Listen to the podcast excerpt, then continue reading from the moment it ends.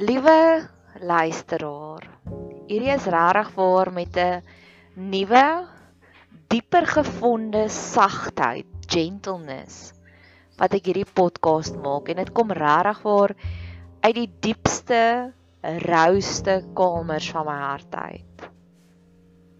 Ek besef ons almal gaan deur serieus trauma tans. En ek maak hierdie podcast as klaagliedere voor God en as bemoediging vir jou. Want dalk is jy waar ek was vir 2 weke. Dalk is jy nog steeds in daardie groot donker gat. En ek wil vir jou sê dis oukei. Okay. Ek wil vir jou sê dis oukei okay om daar te wees en ek hoop ek wat vir jou gaan labels opplaas op dis hoe jy dalk voel, gaan jou laat beter voel. En dalk kan jy hierdie podcast vat en dit aanstuur vir 'n vriendin of vir jou man of vir iemand om te sê dis hoe ek voel. Want baie keer kry ons nie die regte labels om daarop te plaas nie. Ek soek nog steeds die groot metafoor om te sê dis hoe sleg dit met ons gaan en ek sukkel nog om by daai by, daai punt uit te kom. Ek het vroeër in die week het ek navorsing gedoen oor die hartsogwil brande en 'n persoon wie se naam ek nie nou kan onthou nie, iets van biljoen. Shaal van biljoen dink ek. Het gesê die boere tans in Suid-Afrika verloor elke 4de dag 'n plaas as gevolg van plaasaanvalle, as gevolg van ons ekonomie wat druk en ook nou as gevolg van die feit dat daar plaas, die plase afbrand. En ek is op soek na daardie tipe van metafoor om te sê dis hoe erg dit is. So ek het ver oggend amper twee keer om ons hier tyd gestap om die regte metafoor te kry en tot en met Here het ek nog nie dit nie. So vergewe my daarvoor, maar wat ek wel vir jou kan vertel. Ons staan al vir byna 4 jaar in 'n bediening waar ons vrouens help wat deur emosionele trauma gegaan het in die 4 jaar, dit wat ek hierdie afgelope 2 maande beleef, was dit nog nooit so intens soos wat dit nou is nie. Ons het nog nooit so baie geminister soos wat ons tans minister nie. Dit voel vir my as ek links kyk is dit trauma, as ek regs kyk is dit trauma. En dis nie ligte trauma nie, dis mense wat na ons toe kom om te sê ek wil selfmoord pleeg. Dis mense wat na ons toe kom en sê ek wil skei. Dis so intens. Dis so serieus. Ek het dit nog nooit so intens beleef nie. En ek wil hierdie podcast maak as 'n release vir jou om te sê almal voel tans oorweldig. Gister was daar weer berigte van nog 'n lockdown en die mense se vrees wat ek kan sien. Dit is intens. Ons is so uitgeteer vir hoop. My vriendin beskryf ver oggend, ek sê vir hulle dat ons gaan stap, ek wil hierdie pot gooi maak en ek sê vir hulle ek kry nie my metafoor nie en ek is nog steeds soekend na my metafoor. En um, sy sê vir my ja Nadia, dis asof die hoop is weg. Daar's niks meer hoop nie en alles wat aan die regering aan, aan die gang gaan, dit maak dit net moeiliker om hoop te vind. En ek sê vir O, so dit is wat ons tans ervaar en ek sê vir onthou jy in ons 20's As jy gewig wil verloor, het jy vir 2 dae lank net appels geëet en dan verloor jy 10 kg. Waarin jou 50s moet jy vir 28 dae op intense dieet gaan en dan verloor jy 200 gram. En ek sê vir hom en ek dink dis hoe ons emosies tans voel. Dis net soveel moeiliker tans om jou spakel terug te vind. Of nog 'n beskrywing wat ek het ek het 'n familiedrama, familietrauma wat ek al vir 37 jaar lank bestuur. En nou, vir die eerste keer, 2 weke terug, het dit my so omgegooi. Ek het konstant net na Robbie Williams se liedjie van Akamandan geluister. Dit het so sleg met my gegaan oor die ding wat ek vir jare lank al kon bestuur. En ewe skielik kon ek dit nie meer bestuur nie. Ek is 'n natuurlike baie happy mens, maar my happiness was weg vir 2 weke. Vir 2 weke lank die enigste gebed wat ek kon geuiter het is Here, vandag help asseblief dat ek nie onophoudelik begin huil nie, want ek moet gaan werk, ek moet gaan bedien. Ek kan nie nou crumble nie. Ek kan nie nou 'n ineenstorting hê nie. Ek het eendag 'n uh, 'n ineenstorting gehad waar ek letterlik die hele dag net omgehuil het. Ek het hande vol, nie te veel nie, nie om my lewe te neem nie. Kalmets gedrink net om te cope deur die dag. En dis buite natuurlik vir my. En hoe meer ek met mense begin praat het oor hierdie ding, is almal soos my ons voel ook gereeld so. En ek dink dis wat die Bybel beskryf het van vestings. Wat hy praat van daar kom 'n vesting. En ek dink ons is almal nou so in 'n vesting. Ons is so vasgevang in hierdie hulpeloosheid. Laat dinge raak net al hoe erger. En hierdie is 'n klaagliedere voor God. My een vriendin was verlede week by hierdie tweedehandse boekwinkel en toe neem sy vir my 'n foto van 'n boek en die boek se titel is Na die geliefde land. Ek dink ons siele hinker so na daai geliefde land, na daardie plek waar ons net weer kan veilig voel. Dis hoekom hierdie liedjie Jerusalem so 'n viral liedjie is, want ons hele die hele wêreld is so hinkerend na daai veilige plek. Ons voel so emosioneel onveilig tans dat daar 'n liedjie wat 'n kruis geword het waarop mense dans, want ons siele hinker na daai geliefde land, na daardie plek waar ons net weer kan veilig voel. Ek wil nog langer gaan stil sit in hierdie voorbeeld wat ek gegee het van jou tuiste. Ons almal se siele hinker terug na 'n tuiste. Daar's hierdie Psalm wat ook sê by die riviere van Babylon het ons gaan sit en ons het gehuil. Want ons het terug verlang na Sion. Nou Sion is die simboliese profetiese naam van Jerusalem. Ons almal se siele koester terug na daardie tuiste, daardie plek waar ons veilig gevoel het. Ek het in baie uitsonderlike kinderdae groot geword. Dis nou wel vir my, dis nou al amper 'n film vir my. Maar my ma en my pa en my het baie jong ouderdom gehad en hulle moes deurveg deur hulle eie situasie. En my jong 6-jarige, 7-jarige siel het gehinker sonder dat ek besef het na daardie tuiste. En ek was bevoorreg en geseënd genoeg om in 'n klein rondawel agterop my ouma en oupa se erf groot te word. En my ouma en my oupa se huis was my tuiste. Dit was die plek waar ek veilig gevoel het. Dis die plek waar ek kon gehuil het as ek hartseer was. Dis die plek waar my ouma pleisters op my stikkende knieë geplak het. Dis die plek waar my ouma vir my handjie vol breinsuiker gegee het as ek hartseer was om my te laat beter voel het. Dis my tuiste. Dis die plek waar ek veilig gevoel het, waar ek geliefd gevoel het, waar ek aanvaard gevoel het en ons almal verlang na dit heidaglik. Dis so erg. Ek het in die week ek se mondhygiënise pasiënt gehad en gewoonlik is sy my bubbly, sparkly pasiënt. Sy's 'n baie mooi vrou, baie suksesvolle vrou. En toe ek vir haar vra in die week hoe gaan dit, toe sê sy rof. En ek sê vir haar, "Oké, ek wil jou storie hoor want dis uitsonderlik vir jou om te sê dit gaan rof. Ek het altyd opgekyk na jou en ek kyk nog steeds op na jou want jy het altyd you've got it all together. Sy's die tipe mamma wat 'n groot hoë korporatiewe werk het. Ek wil nou ag ek weet vir 'n baie groot bekende maatskappy in die land. Maar sy het haar lewe so ingerig dat sy gaan onderhandel het met die maatskappy om net 4 dae week te werk.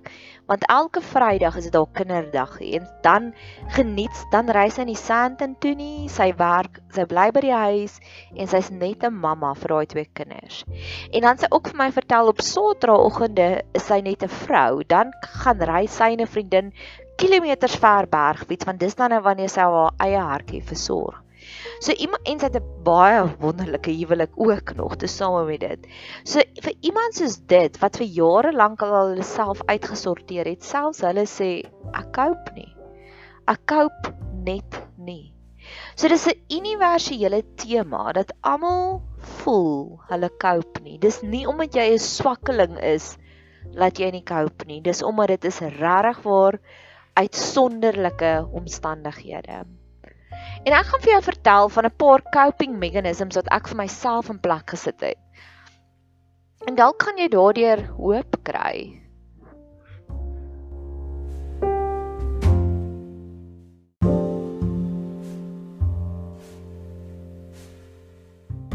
Die eerste storie wat ek vir jou wil vertel is leer om te skree help my. Selfs die grootste warriors tans sukkel. Ek kan dit vir jou sê, ek het 'n fenominale geseënde lewe met soveel powerful powerful mense in my lewe wat beraders, life coaches, selfs hulle is oorweldig. En ek het in hierdie tydperk toe ek vir 2 weke lank deur hierdie trauma gewerk het, het ek ver oggend, ver oggend is die eerste dag wat ek regtig my spakels terug het. Het ek na my spakboontjie gekyk en ek het besef in hierdie 2 weke wat ek deur hierdie trauma gewerk het, het ek nie eers die kapasiteit gehad om vir my spekboompie water te gee nie. En ek het hom vanoggend opgetel in my hande en ek het gesê, "Ek is so jammer my liefie, ek het selfs nie eers vir jou versorg nie en ek het hom water gegee en sy blaartjies het sommer so sad gelyk en ek weet as ek nou-nou gaan sal hy weer happy wees." En dis die trend van die lewe. Wanneer jy self in 'n trauma is, versorg jy nie die mense onder jou nie. Jy gaan so op autopilot mode. Ek het elke oggend my tande geborsel, maar ek het niks meer gedoen as dit. Ek het nie my spekboom versorg nie. So dalk is jy in die posisie en jy voel net, hoekom kan die persoon nie net raak sien ek dit gaan swaar met my nie? Want hulle is nie ons is almal so oorweldig. Ons sien nie ons boeties en ons sissies se eina raak nie. So die eerste ding wat ek gedoen het, ek het begin om vir mense te vertel help my. Ek het ek het verskeie mense gebel en gesê dit gaan regtig emosioneel sleg met my. En toe het ek hulle die geleentheid gegee om vir my te ondersteun. En dit is 'n wow journey. Ek is die tipe mens wat hou van diep gesprek. Ek hou nie van oppervlakkige gesprekke nie.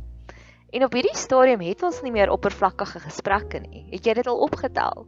Ons het nie meer rappie nie. Daar's nie meer die blou bulle wat speel teen die stormers waar ons kan praat nie. Vir 'n lang ruk kon ons ook nie met vakansie gegaan het nie. So ons kon nie gepraat het van wat se vakansies ons gaan nie. Vir 'n lang ruk kon ons nie gaan braai het nie en ons kon nie meer praat van wat se braai of wat se kuier het jy gehad nie. Mammas wat kinders het wat op skole is wat sport doen, kan nie meer praat van dis wat my kind verrig het nie. En dit het ons gedryf en gedruk om regtig te praat oor die core issues in ons lewe. En selfs nou met my reis waardeur ek deur is, waar ek gesê het help my, kan ek ervaar hoe's die gesprekke baie dieper. En kan jy die geskenk daarin sien? Die gesprekke is dieper. Dis die positiewe ripple effek wanneer dit sleg gaan met ons. Mense gee meer om. ons maak tyd vir mekaar. Eergisteroggend in die estate waar ons bly nou, ek wil daaroor ook gesels. Die misdaad is buite beheer. Ek het gister iemand gehad wat in die sekuriteitsbedryf is en sy woorde is die die kriminele is baie meer blaatant en ons almal se siele sien daai goed raak sonder dat ons dit besef. Net soos my siel as 'n 6-jarige dogtertjie raak gesien het, my tuiste is my ouma en my oupa. En nou kan ek dit dit identifiseer. So sien ons siele hierdie buitespattige radikale kriminaliteit raak en ons weet nie wat om daarmee te doen nie.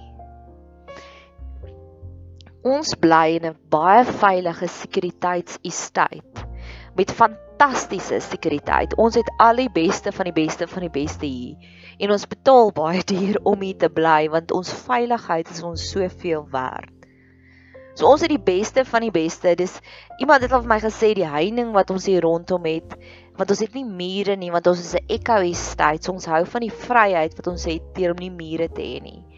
Die die trellie, wag, wat noem mense dit? Die palisade is dieselfde wat hulle gebruik in gevangenisse.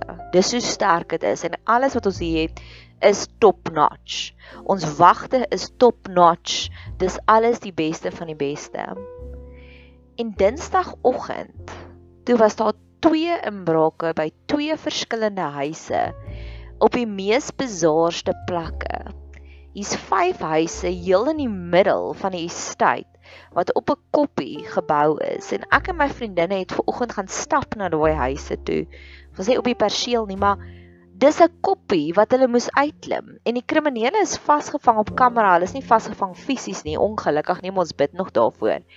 Hoe hulle stap met 'n televisie en met 'n fiets. So hulle het na die moeilikste plek toe gegaan, amper ek wil sê in die moeilike een van die moeilikste estates om in te kom.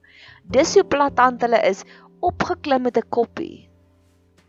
En ons siel sien hierdie goed raak en ons siel weet nie wat om met hierdie onstuimighede te doen nie. So ja, my eerste advies is praat met mense. Dit was my eerste genesing. Ek het met verskeie mense gepraat en gesê hierdie is my ding en baie het raad gegee en ander kon ek net sien het net my pyn gevalidate. Hulle het gesê hulle verstaan, dit sal vir hulle ook erg wees. Die tweede storie is 'n radikale storie. Hmm. Ek het dit ook vir 'n vriendin gesê en dit sê ek vir is ek nou al op hierdie punt wat ek mal is want hierdie hierdie omstandighede waarna ek myself beleef is so radikaal. Ek kan nie meer normale coping mechanisms werk nie meer nie. En sy het dit vir my bevestig. Sy sê, "Ja Nadia, jy is bietjie crazy, maar jy's god crazy." Dis op hierdie stadium van ons lewe waar Nobelpryse gekry word. Want dis wat Nobelprys laureates reg doen. Hulle dink uitsonderlik kreatief aan hulle oplossings. So mag daardie knoppie aangeskakel word in jou siel en in my siel. Want dis hierdie tye Daar is nie 'n woordeboek nie, daar is nie 'n handboek geskryf om te sê dis hoe jy cope in lockdown nie. Daar is nie 'n handboek geskryf om te sê dis hoe jy cope as elke dag word die korrupsie net al hoe erger en erger. Daar is nog nie 'n handboek geskryf nie. Ek het in die week het ek 'n brief geskryf vir die boere in Hartsogwil om te sê onthou net, dis 'n oorlog waar warriors gebore word. Ons sou nie geweet het wie was Delary as die Anglo-Boereoorlog nie daar was nie. En so wil ek ook vir jou sê, jy het 'n naam wat jy met in vol staan. En ek glo God gaan ons nou seën, uitsonderlik seën en vir ons as 'n nasie nog meer as vir die res van die wêreld. Want dit is sulke bizarre omstandighede waarin ons osself beleef. Luister na die craziness in jou. Dit wil ek amper vir jou sê want is daar waar Nobelpryse gebore word. Ek het in hierdie in hierdie soeke het ek nog iets ontdek, maar ek gaan eers vir jou vertel. Daar's 'n stukkie in Handelinge 15 vers 28. Handelinge 15 vers 28, so dit verduidelik van Paulus en al sy reise en hoor hierdie. want die Heilige Gees het on die Heilige Gees en ons het besluit om verder geen las op hulle te maar mag daardie daardie sinnetjie jou motto word van hier af vorentoe.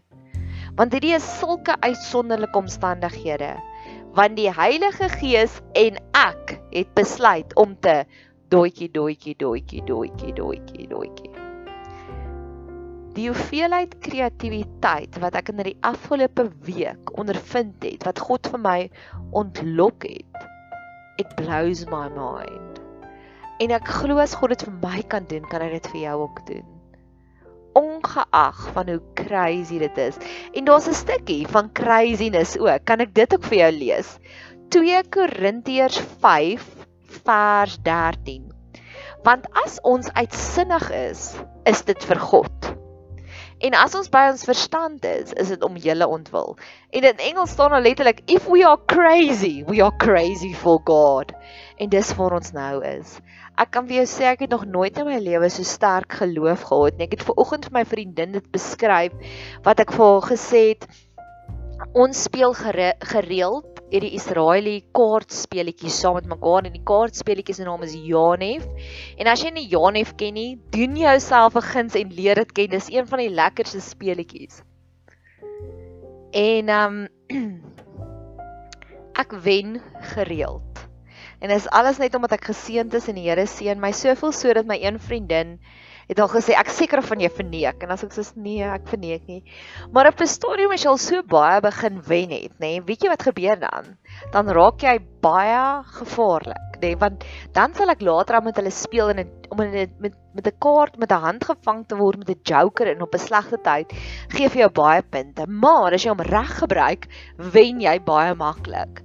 En daar kom op 'n stadium wat ek Janie val saam met hulle soveel keer gespeel en soveel keer gewen het. Ek's nie meer bang vir die verloor nie. So dan doen ek crazy goed om hoë punte te kry of om vinnig te wen, nê? En toe sê ek vir vir my vriendin, net soos ek baie keer regtig vir hoë risiko dinge doen met Janef en met 'n joker sit wanneer 'n mens nie met 'n joker moet sit nie. Dis ek vir dis op die punt waar ek nou is.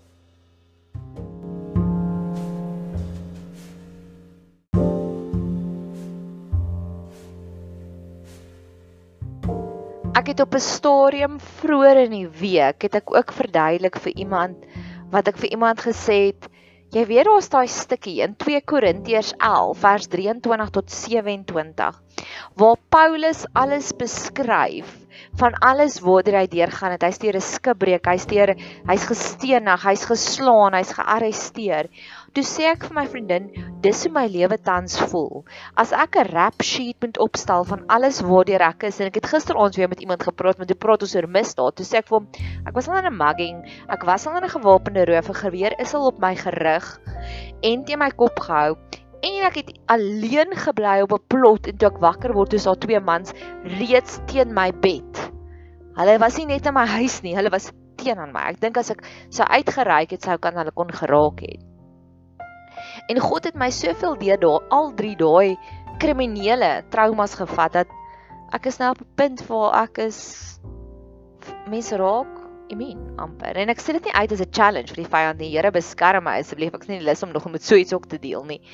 Maar ek het vir my vriendin verduidelik van dis hoe ek voel. Ek voel ek kan hierdie lang rap sheet skryf van dis wat alles in my lewe gebeur het alreeds met my. Nie dat ek 'n slagoffer uh gees het nie glad nie. En vir oggend toe ek die navorsing doen van al die skrifgedeeltes, toe vang my oog so ek het vroeër in die week myself vergelyk met Paulus. Toe vang my oog en ek glo dit was die Heilige Gees hierdie stukkie Handelinge 19 vers 11. En God het buitengewone kragte deur die hande van Paulus gedoen. En my liewe luisteraar, dis waarvoor ons gereed gemaak gaan word. Dit is hoekom dit so uitsonderlik erg gaan met ons. Daar's misdaad, daar's korrupsie, daar's lockdown, daar's ekonomieë wat verwoes word. Maar die positiewe kant daarvan is buitengewone kragte deur die hande van Paulus gedoen. Ek wil dit amper sê en God het buitengewone kragte deur die hande van die boere gedoen. Ek wil amper sê en God het buitengewone kragte deur die hande van die Suid-Afrikaners gedoen. Ons het gisteraand gepraat dat daar sprake dat 'n keur vir COVID kom moontlik van 'n ek kan nou nie sy storie onthou nie of was hy van Sudan en toe na Nigerië en toe in Suid-Afrika of is dit hy was van Nigerië en toe na Sudan en nou sy in Suid-Afrika. Is dit nie opmerklik dat die genesing van die grootste pandemie van hierdie eeu kan deur die hande kom van 'n Afrikaan? 'n Mens wat in, op die Afrika kontinent gebore is nie. Dis waar ons tans is. Dit is op die punt van die wonderwerk waar ons tans is. Maar jy gaan net die wonderwerk ontdek. En dis die hartseer deel. Wanneer jy gaan sit het in daai hartseer. Want vir jare lank het ek weggehardloop van my grootste trauma af. En vir 2 weke lank het ek gaan sit in dit en dit was aaklag. Maar die joy, die sparkles wat ek ver oggend het, sal ek vir niks in die wêreld verruil nie. Ek het gedink in die week aan Johannes. Johannes die Doper. Johannes die Doper wat net gelewe het met sprinkane en heuning. En ek het by myself gedink, hy het waarskynlik nie 'n huis gehad nie. Hy kon nie elke oggend opstaan en kies wat gaan hy vir oggend eet nie. God het hom so afhanklik gemaak van God alleen. Laat nothing else matters. En ek het keer op keer in die week gewonder, is dit nie waarvoor God my ook voorberei nie? laat jy so afhanklik en jy so vervul net deur God dat jy kan lewe van springkane en heuning. Ek gaan hierdie podcast hier afsluit alhoewel ek nog baie het om te sê so ek gaan nog een maak maar ek weet ook baie keer is te veel inligting ook oorweldigend. As jy op hierdie punt is en jy voel niks werk meer vir jou nie. Jou normale coping mechanisms werk nie meer nie. Dan weet jy jy's op 'n baie gesonde plek want dis net daar waar die wonderwerk gebeur. Maar die wonderwerk kom net na 'n serieus meltdown of om te gaan sit en te gaan huil. Laat jouself toe om daardie klaagliedere te sing voor God.